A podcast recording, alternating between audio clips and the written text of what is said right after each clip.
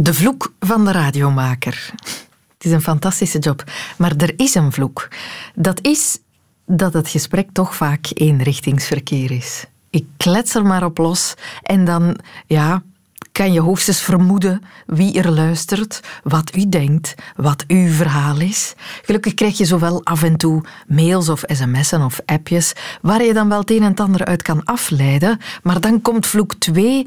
Je kan niet op al die reacties, op al die verhalen ingaan. Toch niet uitgebreid. Omdat je dan op een voicemail botst of op tijdslimieten en dat gaat allemaal een beetje tegen de natuur in. Babbelen en geen antwoord horen. Dus dat wil ik in de laatste podcast van 2020 een beetje rechtzetten. Een beetje antwoorden terug opvissen. Ik heb een aantal reacties van luisteraars die me zijn bijgebleven terug opgevist en de mensen gecontacteerd. Hun verhaal hoor je in deze podcast. Welkom in de wereld van Sophie.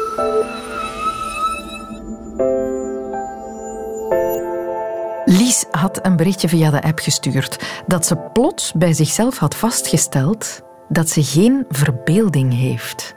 Dat heet afantasie. En of we daar eens niet mee aan de slag zouden kunnen.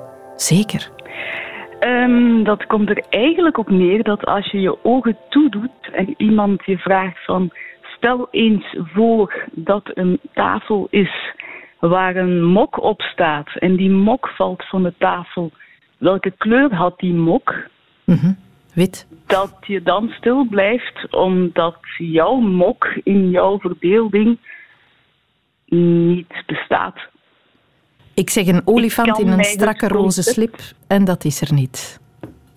Nee, ik weet hoe een olifant eruit ziet, mhm. maar vraag me mijn ogen toe te doen en mij die olifant voor te stellen, want dan blijft het zwart. Dat is iets bijzonders. Hè? Kan, hoe lukt het jou dan bijvoorbeeld om een, om een boek te lezen? Een boek lezen is voor mij eigenlijk iets wat heel vlot gaat, want ik hoef mij niet bezig te houden met hoe de dingen eruit zien. En ik kan mij eigenlijk volledig concentreren op het verhaal en de gebeurtenissen en de psychologie die erachter zit. Mhm. Dus je kan het verhaal perfect volgen, alleen wanneer een personage beschreven wordt, ja, dat heeft niet echt, jij koppelt daar geen beeld aan. Nee, nee, totaal niet. Dat is iets ik bijzonders. Heb dus ook niet, ja, ik heb dus ook niet uh, het nadeel van mensen die naar een film gaan kijken waarvan ze eerst het boek gelezen hebben en die dan heel ontgoocheld zijn omdat alles er anders uitziet dan dat ze zich voor hadden gesteld. Want ik heb nog geen beeld. Ja, dat is waar. Verfilmingen storen jou nooit. Nee, maar hoe ben je tot die vaststelling gekomen? Want je weet het nog maar een aantal maanden eigenlijk. Ja, mijn dochter kwam af met dat, uh, met dat experimentje. Mama, doe je ogen eens toe. En, uh, en, en ja, de tafel en de mok die van de tafel viel. En ze vroeg welke kleur heeft die mok. En ik had zoiets van, wat, wat, wat vraag je me nu?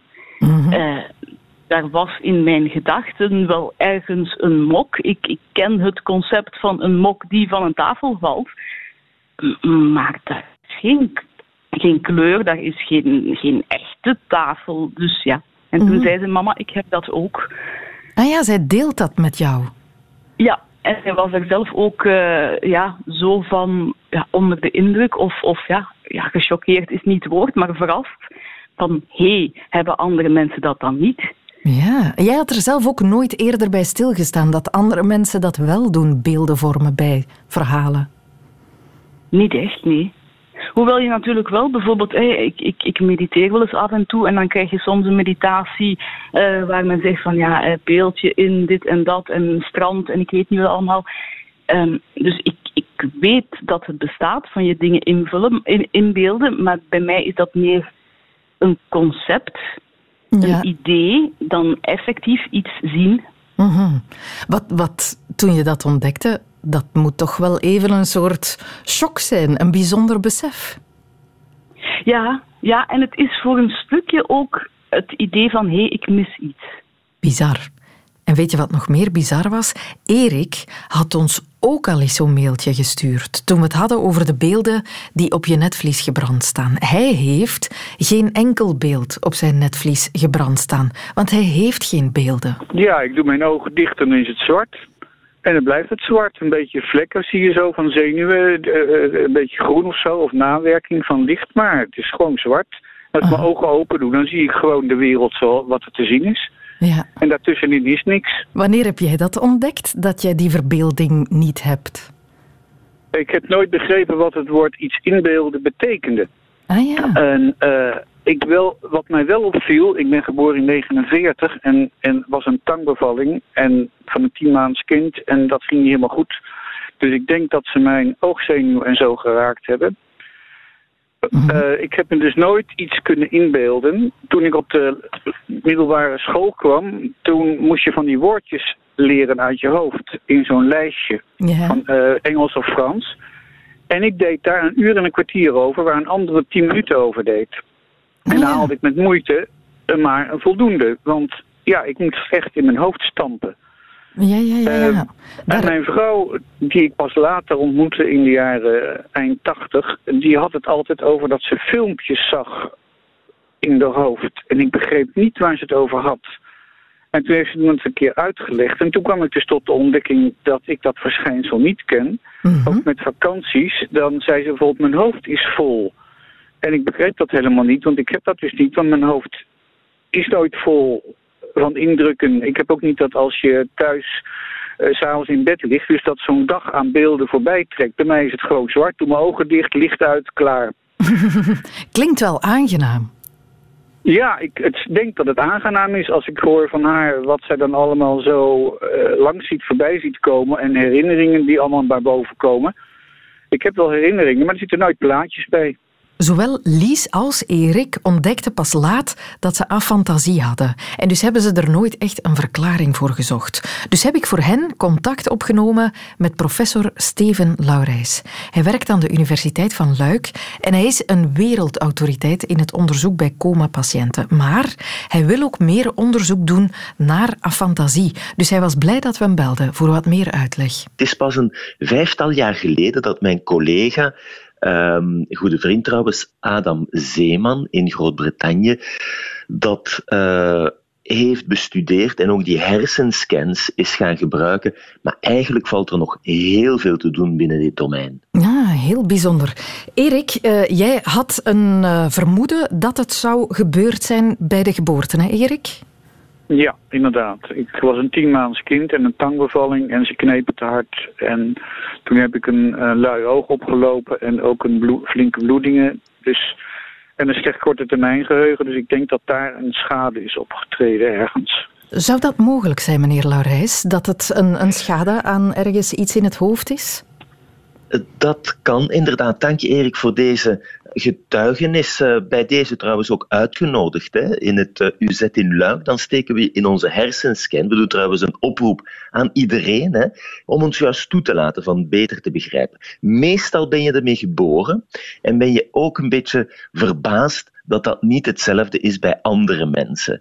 Um, maar het kan dus ook, zoals we net hoorden, na een uh, trauma of een uh, hersenletsel, dan is het een beetje moeilijker, want ik hoor dat er hier ook wat, wat andere problemen bij komen. Dus dan maakt het het voor ons uh, ja, nog een extra uitdaging. Ja, ja, bij Lies zou je kunnen vermoeden dat het een erfelijke kwestie is, want Lies, haar dochter, heeft net hetzelfde.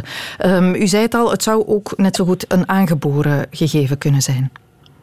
Ja, en dan inderdaad, het verhaal van Lies horen we vaker, dat dat uh, bij bepaalde families meer voorkomt. Dus vandaar natuurlijk uh, de oproep hè, dat we dat beter kunnen in kaart brengen en misschien ook genetische merkers. Het is, het is geen ziekte, hè, het is niet erg. Uh, we weten opnieuw niet zo goed wat de impact is. Ik denk dat de uh, personen die de getuigenis hebben ehm, afgelegd, dat, dat daar beter kunnen op antwoorden. Je brein is natuurlijk heel complex. Hè. Ik heb het daarover in mijn eerste boek, Ons Briljante Brein, hoe we eigenlijk die ja, mentale beeldvorming, die zo krachtig is, hè, die ons toelaat om dingen in te beelden, in de toekomst te gaan anticiperen, maar die is ook voor iedereen een beetje anders. En soms, ja, in de vrij extreme vormen, uh, is dat dus uh, afantasie. Ja. genoemd. Het blijkt ook dat artiesten uh, net het omgekeerde mogelijk hebben en een, een soort hyperfantasie hebben. Dus ik vind dat heel, heel boeiend ja. en zeker iets wat we van naderbij moeten bekijken. Wat zeker interessant zou zijn, want blijkbaar zowel Erik als Lies ontdekken het pas laat. Veel mensen weten het eigenlijk niet dat ze ermee rondlopen. Ja, dat is eh, heel bijzonder. Hè? Um, opnieuw, het is, het is geen ziekte, maar uh, ja, sommige mensen zien kleuren anders. En, en het is dan pas soms heel laat door het erover praten met andere mensen dat je zegt, ah ja, is dat niet zo voor iedereen? Dus ja, uh, mm. Dat, dat bewustzijn is een, een heel persoonlijk gegeven. Er valt nog wel wat onderzoek te doen naar afantasie. Hoe het komt dat sommigen geen verbeelding hebben en anderen net veel te veel hyperfantasie. Erik en Lies kunnen professor Laurijs daarbij helpen. Bedankt dus aan hun berichtjes. Een ander bericht kregen we van Norbert. We hadden het op de radio gehad over hufters, over die momenten in het leven waarvan je achteraf kan zeggen, ah wel, dat was niet zo oké van mij. Ik heb dat niet zo goed aangepakt. Ik heb mij als een hufter gedragen. We hebben een paar prachtige verhalen gehoord toen, onder meer van Norbert Maas. Hij is fotograaf in Ruisleden en hij vertelde dat hij tijdens de lockdown het plan had opgevat om elke dag iemand uit zijn telefoonboek lukraak op te bellen. Zo ook zijn ex, met wie hij vele jaren geleden een relatie niet zo proper beëindigd had. En zij had fantastisch gereageerd op dat telefoontje. Dus dat wilde hij zo wat meegeven. Als je met zoiets in je maag zit, dan moet je gewoon de telefoon oppakken. Maar hij zei ook dit. Wat ik zeker ook terug ga doen vandaag, is iemand in mijn dorp. Ik rijd daar rond met de fiets, ik heb mijn fototoestel mee en ik heb ook een mobiele flits mee. En uh, dan rijd ik rond en dan bel ik ergens aan. En dan zeg ik, kijk, ik ben bezig uh, mensen aan het fotograferen. En ik zou het leuk vinden als ik van jullie een foto mag nemen. En ik probeer het ook soms te doen zodat ze kijken van achter het raam. Omdat we mogen niet echt zo contact hebben. Want ik heb mhm. ook altijd mijn masker aan, want mensen zijn soms bang als je aanbelt. Mhm. En uh, eigenlijk iedereen waar ik, waar ik aanbel, heb ik al kunnen fotograferen. En dat vind ik wel heel leuk om te doen ook. Een fantastisch plan leek me dat in coronatijd. En dus stuurden we reporter Brecht de Volderen eens mee op pad door het dorp met Norbert.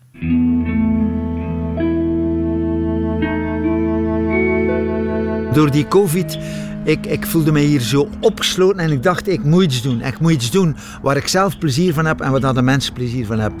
En ik heb dus twee dingen gecombineerd. Ik ben beginnen met mensen op te bellen. Maar ook mensen in mijn telefoonboekje kijk ik dan en denk van, oh nee, die, oh, daar ga ik niet naar bellen, want, oh, dat...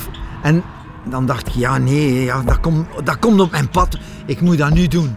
En dan neem ik dat risico en bel ik. En tot nu toe is het eigenlijk al, altijd heel erg meegevallen. Ik, ik heb naar een ex-vriendin van meer dan 25 jaar geleden gebeld. En die was heel verrast van mijn toon. En ik zei, ja, eigenlijk sorry voor de manier waarop we uit elkaar gaan zijn. Want eigenlijk was ik verschrikkelijk jaloers. En, en, ik vind dat zo jammer. En het is zo precies iets dat glad gestreken is. Ik vond dat fantastisch. Dus en dat is één zaak. En het tweede is, als ik mensen opbel, dan probeer ik hen ook in, indien mogelijk te fotograferen. Omdat dat, dat is eigenlijk mijn taal, dat is mijn poëzie, mijn, mijn fotografie. En dat vind ik zo leuk om te doen, dat je dan contact legt, je belt mensen op. En liefst niet te veel op voorhand, dat ze daar niet te veel kunnen over nadenken. Want anders beginnen ze, oh, ik ben niet naar de kapper geweest en zo en zo. Maar ik wil ze eigenlijk een beetje op ton verwacht op een nest pakken. Op een nest is een huis. Hè. Maar het is voor mij een hele uh, leuke manier om toch nog creatief bezig te zijn en mijn ding te kunnen doen. ja. Hallo Tom. Ah, Tom, het is uw buurman hier, Norbert Maas. Ah, Waarschijnlijk denk jij dat ik bellen van een barbecue, jongen, maar dat mag niet nu. Dus uh, nee, nee, nee, die corona voorbij is, kom ik je weer een barbecue geven met de buren. Maar, uh, maar Tom, ik heb nog iets anders. Ik ben bezig uh, foto's aan het nemen als je allemaal van knappe mensen in de straten. En dus ja, kan ik het niet anders of een ruilder komt. Nee. Dus als dat mag, zou ik nu een keer afkomen. En zo ik een fotootje van Hulder nemen. En ik ga dat nemen, Tom, dat Gulder achter de vensterstraat binnen in huis. En ik ga van buitenaf fotograferen. Zie je dat zitten? Dan zijn ze soms ook heel verrast. Dat ik aan de telefoon en dan zeg ik, ja, weet je wie, weet je wie dat ben? Soms mensen dat kunnen trouwen en 30 jaar geleden of zo. Hè. Ja, ja, natuurlijk weten we wel. Ja. En dan, dan raak je aan de babbel en ik zeg, eigenlijk bel ik, omdat in deze periode van covid, we, we zien elkaar niet echt. En ik wil zo een keer een positieve boodschap brengen vandaag. Dus alleen mijn beste wensen en alles wat je wilt. En dat heeft eigenlijk... Uh, zodanig veel effect dat ik er een beetje aan verslaafd ben. Maar ik probeer het te beperken tot één per dag omdat anders zit ik in de Hans voormiddag te telefoneren. En dat is ook niet de bedoeling. En dit combineer ik met fotografie. Dat ik ook mensen opbel, maar ook soms mensen niet opbel. Omdat dat is altijd hetzelfde. Ze staan niet graag op de foto, maar een keer dat de foto daar is, zeggen ze... Oh man, kijk blij, maar schoon, dank je. Oh, weer. Hoeveel is het? Want ik, ik verkoop ook geen ene foto. Ik geef iedereen een foto cadeau omdat ik vind, het is, allez, het is geen commercieel werk, het is geen opdracht, het is vrij werk. En ik geniet ervan van die mensen die foto cadeau te geven. Ik ga dat doen in de nieuwjaarmaand. Voor een nieuwjaar, ja, eigenlijk moest dat nog niet weten. Maar, ik, houd stil. Ja. Dat is goed, als jij het niet zegt, dat is altijd in orde. Maar dus ik ga daar dan mee rondgaan en ik ga die foto's afgeven. Zeggen, kijk, ik heb geen nieuwjaarsbrief mee, maar ik heb dit mee, dit cadeautje. En dan ben ik zeker, wie het ook is, als ze zichzelf zien, of een, of een vrouw of een kinder daarbij, dan gaan ze zeggen, oh, dat is wel tof. Ik hoop alleen dat er niemand sneuvelt, wat dat kan ook. Hè. Iedere foto kan uw laatste foto zijn. Hè. Ja, ik, ik zei vroeger dikwijls als grap, laat u vandaag fotograferen, morgen kan het te laat zijn. Maar het is ook zo. Dat je, wat dat je meemaakt, dat je dat kunt in een beeld gieten. En als de mensen daar naar kijken, dan herinneren ze zich ook de sfeer waarin dat je dat gefotografeerd hebt. En dat is zo leuk om te doen. Maar de sfeer, Robert, dat is er toch een van een depressief jaar. Hè? Dat is toch, uh... Ja, dat klopt. Maar, maar uh, het is misschien een, een, een, een onnozel woord. Toch ben ik op dit moment voor veel mensen een lichtpuntje. Ja. En het is daarom ook dat ik die verlichting en die lichtjes die ophangen, vind ik zo belangrijk. En er hangen er in ons dorp enorm, enorm veel. Als we hier s'avonds gaan gaan wandelen, we doen altijd de grote wandeling. Het is gigantisch wat er in de straten hangt. Dus mensen hebben er ook iets mee gedaan met dat licht. En fotograferen is schrijven met licht als ja. fotograaf was. Dus ik vind dat dan leuk dat ik die mensen in die sfeer, in die kerstsfeer die ze zelf gecreëerd hebben, dat ik daar beelden kan in maken. Ja, dat is, dat is fantastisch. Het is altijd maar negatief, corona, corona, corona. Mhm. En ik denk dat als ik dit nu kan doen, ah, ik voel mij daar goed bij, de mensen voelen zich goed en dat is toch fantastisch? Ik word er ook vrolijk van. Ik, uh... Voilà. Elke dag een foto. Wie is vandaag de gelukkige? Uh, vandaag is de gelukkige. Ik weet zijn naam niet, maar ik weet wel waar hij woont. Uh, ja, het is een beetje overvallen, maar ja, ja Chelsea ben proper gekleed. Dus uh, ja, dat mag wel een keer. Of, dat is eigenlijk een eer voor bij Norbert op de foto te mogen staan. Dat is uh, geestig, geestig. En een eer, hè. Ja, moet men, waar moet men staan? Okay, ik zal beschrijven wat er gebeurt. Tom gaat nu samen met uh, dochter en vrouw poseren achter zijn... Uh, met geen instructies. Achter de vooruit. Uh, dat is een hele gekende persoon, een hele joviale persoon. En zo'n persoon mogen hier altijd binnenkomen bij ons. is waar, ja. ja. Ik verlang al tegen deze zomer, tegen dat de corona gepasseerd is, dat we het samen een terrasje kunnen doen op de foto dat we waarschijnlijk nog gaan krijgen binnenkort voor ons nieuwjaar. Dat is alles is al een goed einde van het jaar, van eigenlijk een, ja, een kutjaar dan ze zeggen. Ja, dat gaat hij al heel, heel wat goed maken. Dus we mogen zeggen dat we dankzij Norbert toch een beetje gelachen hebben ook. Het is jammer dat ik hem niet mag vastpakken, maar ik zou hem een knuffel geven. ja, buren, tot in betere tijden. En als er wat is, los het zelf op.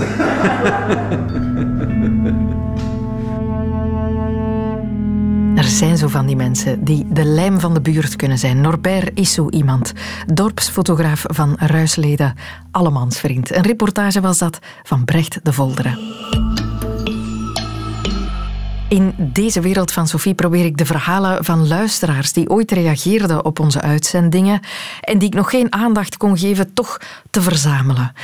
Een heel kort berichtje kreeg ik van Marjolein. Het was kort, maar het trok wel de aandacht. Het kwam binnen niet zo lang nadat we het over gezinsdrama's hadden. U heeft die podcast misschien gehoord. Daarin ging het ook over het posttraumatische stresssyndroom. Hoe trauma je na jaren nog kan komen pakken. En Marjolein stuurde: Ik heb ook zo'n verhaal. Je mag me bellen. Dus dat hebben we gedaan. In 2016 had ik plots een, een, een, vlekje in mijn nek en dat bleek dan uh, de zona te zijn. Ik moest dan ook wel een paar dagen daarmee thuis blijven, want de zona dan zegt me van uh, te veel stress en je moet meer rusten en zo. Terwijl ik niet moe was of geen stress had. De zona ging wel weg en dat is ook niet uitgebreid, dat is zo klein gebleven. Maar ehm, de vermoeidheid, die verergerde wel. En dat was echt uh, heel raar.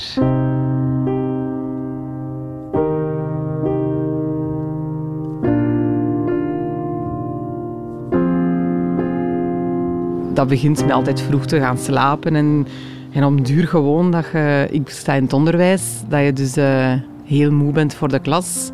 En dan op een dag uh, te moe om te gaan werken en naar de dokter moeten gaan.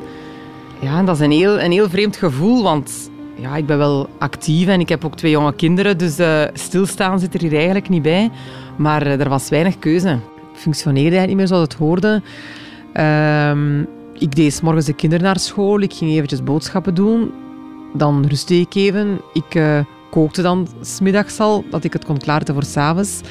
Ik sliep dan echt in de namiddag, of ik rustte gewoon, maar ik, ik durfde ook echt in mijn bed kruipen en echt diep slapen dat ik om half vier toch wel weer fris aan de schoolpoort stond om dan ja, er te zijn voor mijn kinderen en hun eten te geven dat al klaar stond. Om hen dan in hun bed te leggen om daarna weer ook zelf eigenlijk in bed te kruipen. En zo eigenlijk ja, gaat mijn verhaal met, met stukken en brokken uh, twee jaar verder. Van werken, niet werken, deeltijdswerken, uh, zo altijd uh, op en af.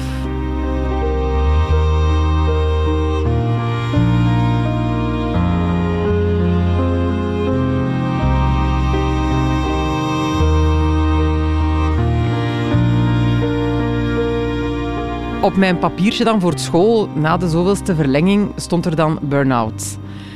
En ja, burn-out ja, is de ziekte van de tijd. En uh, de mensen die een burn-out hebben, uh, ik zou het ook niet willen meemaken, want uh, zoek ook maar eens de oorzaak. En geraak er ook maar eens vanaf. Ik denk dat dat ook wel heel zwaar is. dus dat stond eigenlijk op mijn ziektebriefje. Ik las daar dan ook heel veel over, maar ik had zoiets van, dit heb ik niet. Je begint dan ook te zoeken. Hè. Doe ik mijn werk niet graag niet meer? Heb ik problemen in mijn gezin? Uh, je begint echt te graven in alles en op duur ga je problemen zoeken dat er misschien niet zijn om toch maar een oorzaak te vinden. Dan, dan begint het natuurlijk. Hè. Um, gewone bloedonderzoeken, uh, speciale bloedonderzoeken van, van rond de 300 euro, denk ik. Waar dat dan... Uh, ja, wordt gekeken naar je energieniveau en zo, dat ze zien in je bloed en zo. Heel veel alternatieve dingen. Um, ja, dus die weg ga je dan ook op. De weg van ook eigenlijk veel geld. Ja, verspilling mag ik het niet zeggen, maar je probeert alles, want je wilt gewoon beter worden.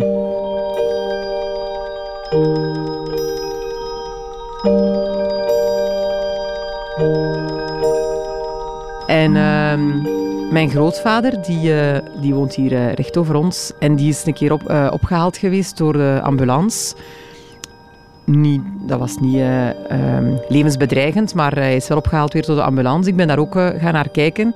Eigenlijk had ik, had ik nog nooit een ambulance van binnen gezien. Ik denk dat ja, weinig mensen dat misschien al gezien hebben. Dus die ambulance ging open en ze schoven hem daarin. En toen dacht ik wel van... Amai, zo moet dat ooit met mij ook geweest zijn. Zonder dat daar eigenlijk emotie kwam bij kijken. Gewoon, daar heb ik ook in gelegen en ze hebben me daar ook zo in geschoven. Waarschijnlijk was dan bij mij zelfs de mug.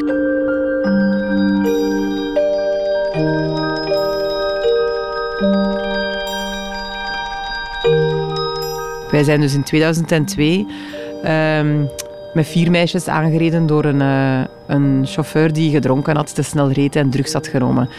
Uh, dat was uh, s'nachts. Wij waren naar een, een, discotheek geweest. En wij waren zelfs geen discotheekgangers tussen haakjes. Wij waren zo van die vijf, vijf mensen van de scouts en zo. Maar kom, we dachten, we willen daar ook een keer naartoe gaan. En wij stapten die avond naar de auto, twee per twee, achter elkaar op het fietspad. Um, want de auto's stonden in de berm geparkeerd, omdat er geen andere parkeerplaats was. Dus wij liepen eigenlijk volledig reglementair. Uh, ik was ook Bob die avond. Uh, vandaar dat ik met Machteld, ook een vriendin van mij, vooraan liep. En dat uh, Lief en Tiffany eigenlijk, mijn andere twee vriendinnen, die liepen een paar meter achter ons. Dus de logische volgorde waarom dat ik vooraan liep en waarschijnlijk het overleefd heb, is eigenlijk dat ik die avond de chauffeur was. Um, dus die is dan op ons ingereden en um, Tiffany en Lieve die waren op slag dood.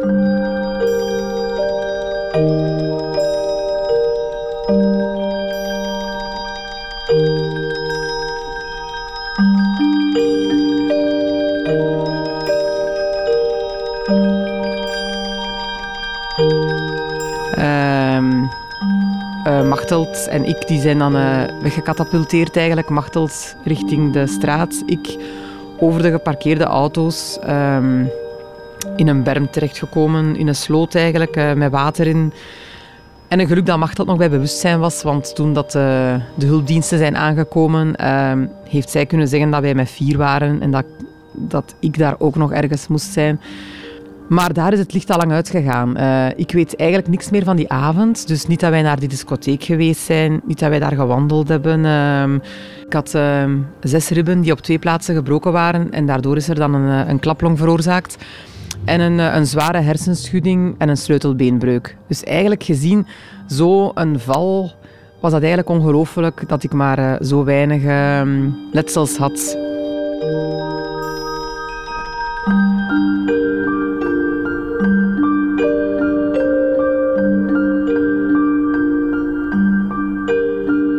Dus dan een, ja, een hele tijd gerevalideerd door gewoon te rusten en kine. Dus geen uh, grootse revalidatie eigenlijk. Een beetje voor mijn longen, maar dat viel wel mee. Maar toen op dat moment heb ik ook wel uh, begeleiding gekregen. Omdat mijn mama daar ook uh, alert voor was. ik, ik wou niet meer buiten gaan. Even zo. Ik wou even precies geen vriendinnen meer zien en zo. En dat was voor haar een raar, raar signaal, omdat ik eigenlijk wel vrij sociaal ben en graag mensen zie. En toen ben ik wel uh, bij een psycholoog geweest. Ik weet ook niet meer hoe lang of hoeveel, maar dat zal mij zeker geholpen hebben. Die heeft mij zeker inzichten gegeven. Die heeft mij toen ook gezegd van kijk, dat zal altijd in je hersenen een litteken blijven. En een litteken blijf je altijd zien. Maar de wonde is wel gesloten. Hè. Laat ons zo, de wonde is gesloten, maar het litteken blijft. En zo heb ik dan, ja, laat ons zeggen, uh, een, een vijftiental jaar geleefd waarschijnlijk met dat litteken. Een heel goede band met de, met de ouders van mijn vriendinnen die dan uh, verongelukt zijn. Dus uh, er was ook altijd de ruimte om daarover te praten. Dus alles was verwerkt. En dan ineens word je moe.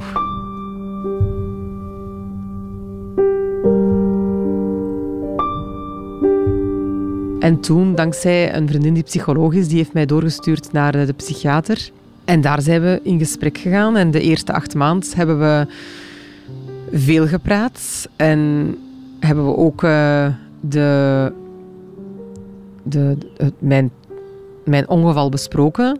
Maar uh, daar is eigenlijk nooit iets uitgekomen. En dan ja, um, gesprekken, gesprekken. Um, heeft de psychiater mij ooit eens een, een vraag gesteld die ik er eigenlijk niet kan stellen, omdat daar ook iemand anders mee in verband is. Het heeft eigenlijk ook te maken met de andere vriendin die erbij was. En hij stelde mij een vraag en ik kreeg eigenlijk een gevoel dat ik nog nooit gehad heb. Dat was... Ik, ik, ik kon dat niet plaatsen, dat er iets was dat mij zo raakte, terwijl dat dat... Ja... Het ging zelfs niet over mij. Het ging zelfs niet over mij, het ging over mijn vriendin. En toch raakte er iets dat eigenlijk uh, alles heeft in gang gezet tot, tot mijn herstel dan eigenlijk. Uh, ik ben naar mijn ouders gereden, ik ben daar beginnen huilen. Dat was echt op een beestige manier eigenlijk. Dat was ongelooflijk wat dat er daar precies loskwam, zonder echt te zeggen waarom. Maar die emotie van dat gehuil... En dat heeft denk ik 24 uur geduurd, dat ik huilbuien had. Ongelooflijk. Op dat moment werd het duidelijk dat uh, mijn ongeval aan de basis lag van uh, die op dat moment anderhalf jaar vermoeidheid. Dat was ook de eerste keer dat ik daar toen van hoorde, een posttraumatisch stresssyndroom. En dan zei mijn psychiater ook, the body keeps the score. En dat is zo waar. Uw lichaam houdt de score bij. Uw lichaam onthoudt alles. Ik weet niet dat ik in die discotheek geweest ben. Ik weet niks van mijn ongeval. Ik heb ook de begrafenis van mijn vriendinnen niet meegemaakt. Ik heb niks meegemaakt dat eigenlijk nog tastbaar was. En toch, na 15, 16 jaar, gaat mijn lichaam protesteren. Op die manier dan, door uh, vermoeidheid. Want waarschijnlijk zijn er heel veel kanalen langs waar dat, dat uh, zich kan uiten, denk ik. Maar dus bij mij uh, was dat dan die vermoeidheid. En ik ben dan eigenlijk toch halftijds kunnen beginnen werken. En dat ging ongelooflijk goed. Dat ging echt ongelooflijk goed. dat was ongelooflijk. En dat verbeterde alleen maar. En wij zijn zelfs uh, in juni dat jaar zijn wij getrouwd. Ik had dat ook al een beetje ingecalculeerd van dat zal ja, rustig zijn. Maar ja, ik, was zoveel beter dat dat eigenlijk allemaal uh, echt in, in feeststemming is kunnen uh, verlopen. En in die zomer zijn we dan op reis geweest en dan heb ik uh, een kaartje gestuurd naar mijn psychiater om te bedanken en gezegd van kijk, ik ben nog steeds oké en ik voel echt geen vermoeidheid meer.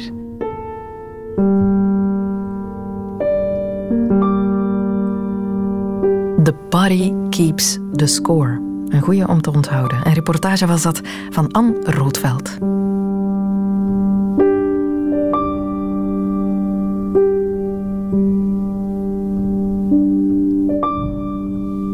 Nog een luisteraar die ik u wil voorstellen is Frans. Frans had ons gemaild. Uh, we hadden het op de radio gehad over geaardheid. We kregen een bericht van hem uh, en hij liet verstaan dat hij het thema enorm waardeerde, want Frans heeft namelijk zelf een bijzondere geaardheid. Frans is gerontofiel. Hij voelt zich uitsluitend aangetrokken tot oude mensen en in zijn geval mannen, of zoals hij het zelf zegt, pekes. Fascinerend. Ik wist niet dat het een ding was. En dus stuurde ik Wart Bogaert op reportage. Dat is een van de vele websites waarin oudpekers te zien zijn. Oudpekers? Oudpekers, ja. De ene wat mooier dan de andere. Ja. ik zie dat graag, ik kijk daar graag naar. Twee op tien van die gezichten staan mij aan. Maar de meeste zijn veel te dik. Ja. Het moet het liefst een ranke, magere. Ja, liefst. Ja. Dat is zo type. Kan, kan zo iemand laten zien als je wilt? Ja. Zo, dat is iemand. Ja. ja. Dat is nu een naaktfoto? Ja, ja. Het hoeft niet naakt te zijn hoor. Ja, het is gewoon... Zo, zo iemand zie ik graag in de jaren 40, in de jaren 40, ik ben van 42. Hè. Ik ging toen op bezoek bij mijn grootvader, die was beenhouwer.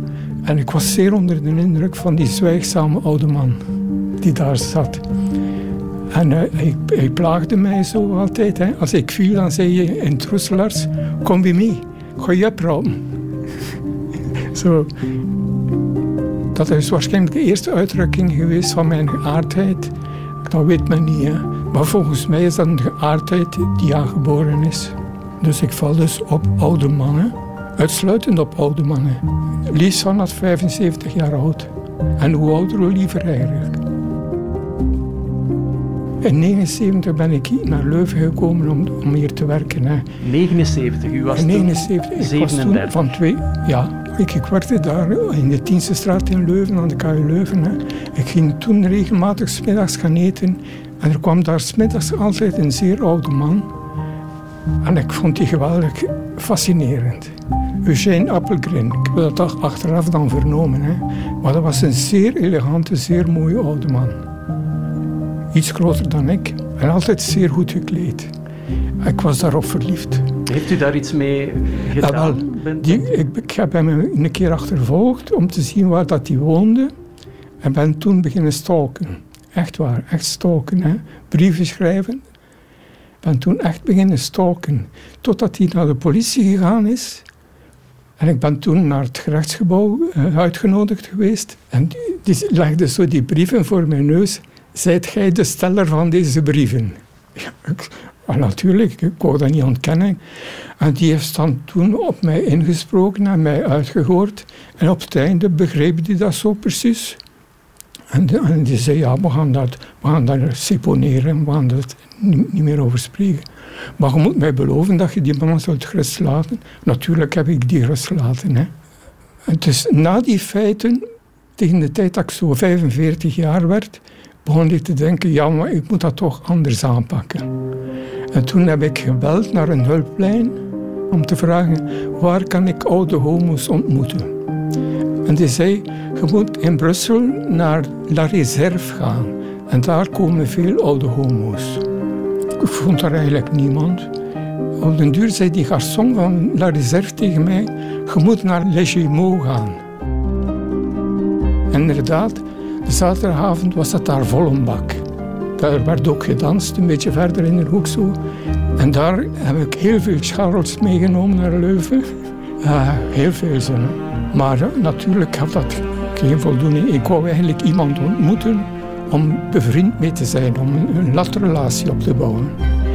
En op den duur heb ik daar in die GMO uh, ontmoette ik ook een man uit Brussel die later mijn vriend werd. Waar ik 18 jaar lang een latrelatie mee gehad heb. En de eerste keer dat ik daarmee seks had, was dat echt een revelatie voor mij. Ik had iets van, dat is het. De eerste keer dat ik hem naakt zag, was ik echt ondersteboven. Dat was iets in mij dat zei, dat is het. Het is dat dat je wilt. En die man was toen al... Die was toen al in, ver in de 70. Ik ging daar dus ieder weekend naartoe. En dan gingen we gaan eten in een van die Griekse restaurants. Waar je kunt zelfbedieningen doen. doen zo. Dat had hij graag, dat hij zag wat hij nam.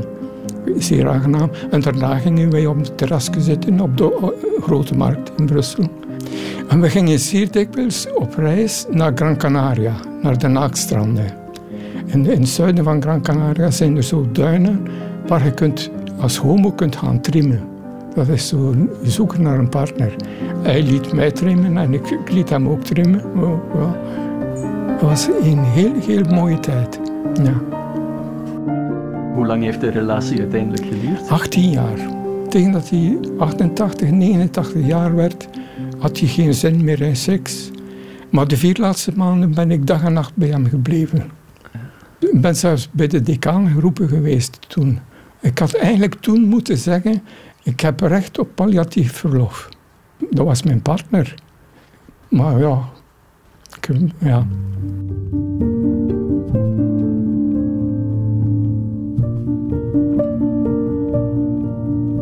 Er woont hier in de straat iemand die bijzonder aardig is, maar hij is nu 91 jaar geworden ondertussen. Ik heb een keer op het terras gezeten in Leuven op de Grote Markt en die keek in mijn ogen op een manier waarvan ik dacht... En er, er ging zo'n vonk over. Ik was toen heel zeker, die, die man uh, is, is ook zo. Maar u heeft het nooit uitgesproken? Hij, hij weet het, ik spreek hem regelmatig, ik kom hem regelmatig tegen, maar hij is getrouwd, ik zou daar zeker nooit niks mee beginnen. Bovendien, aan 91, ik denk niet dat hij nog veel zin heeft in, in zo'n dingen. Op zijn tijd is het alleen maar uh, knuffelen en, en, bij elkaar zijn en, en, en uh, ah ja, gewoon bij elkaar zijn.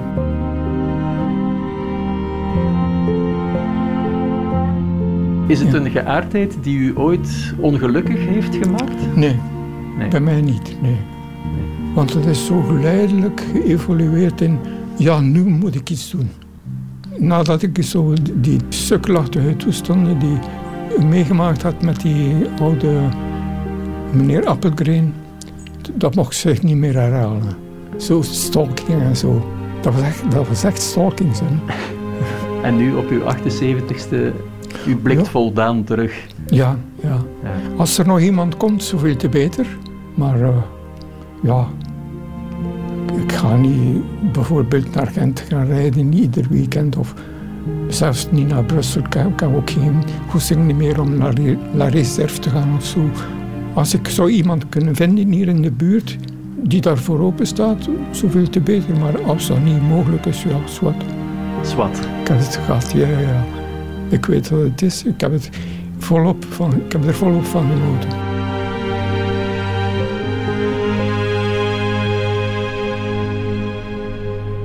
Is gerontofiel.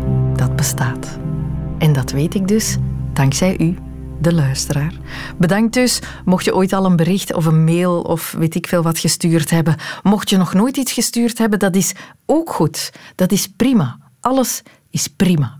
Alles is super. Het is kerstmis.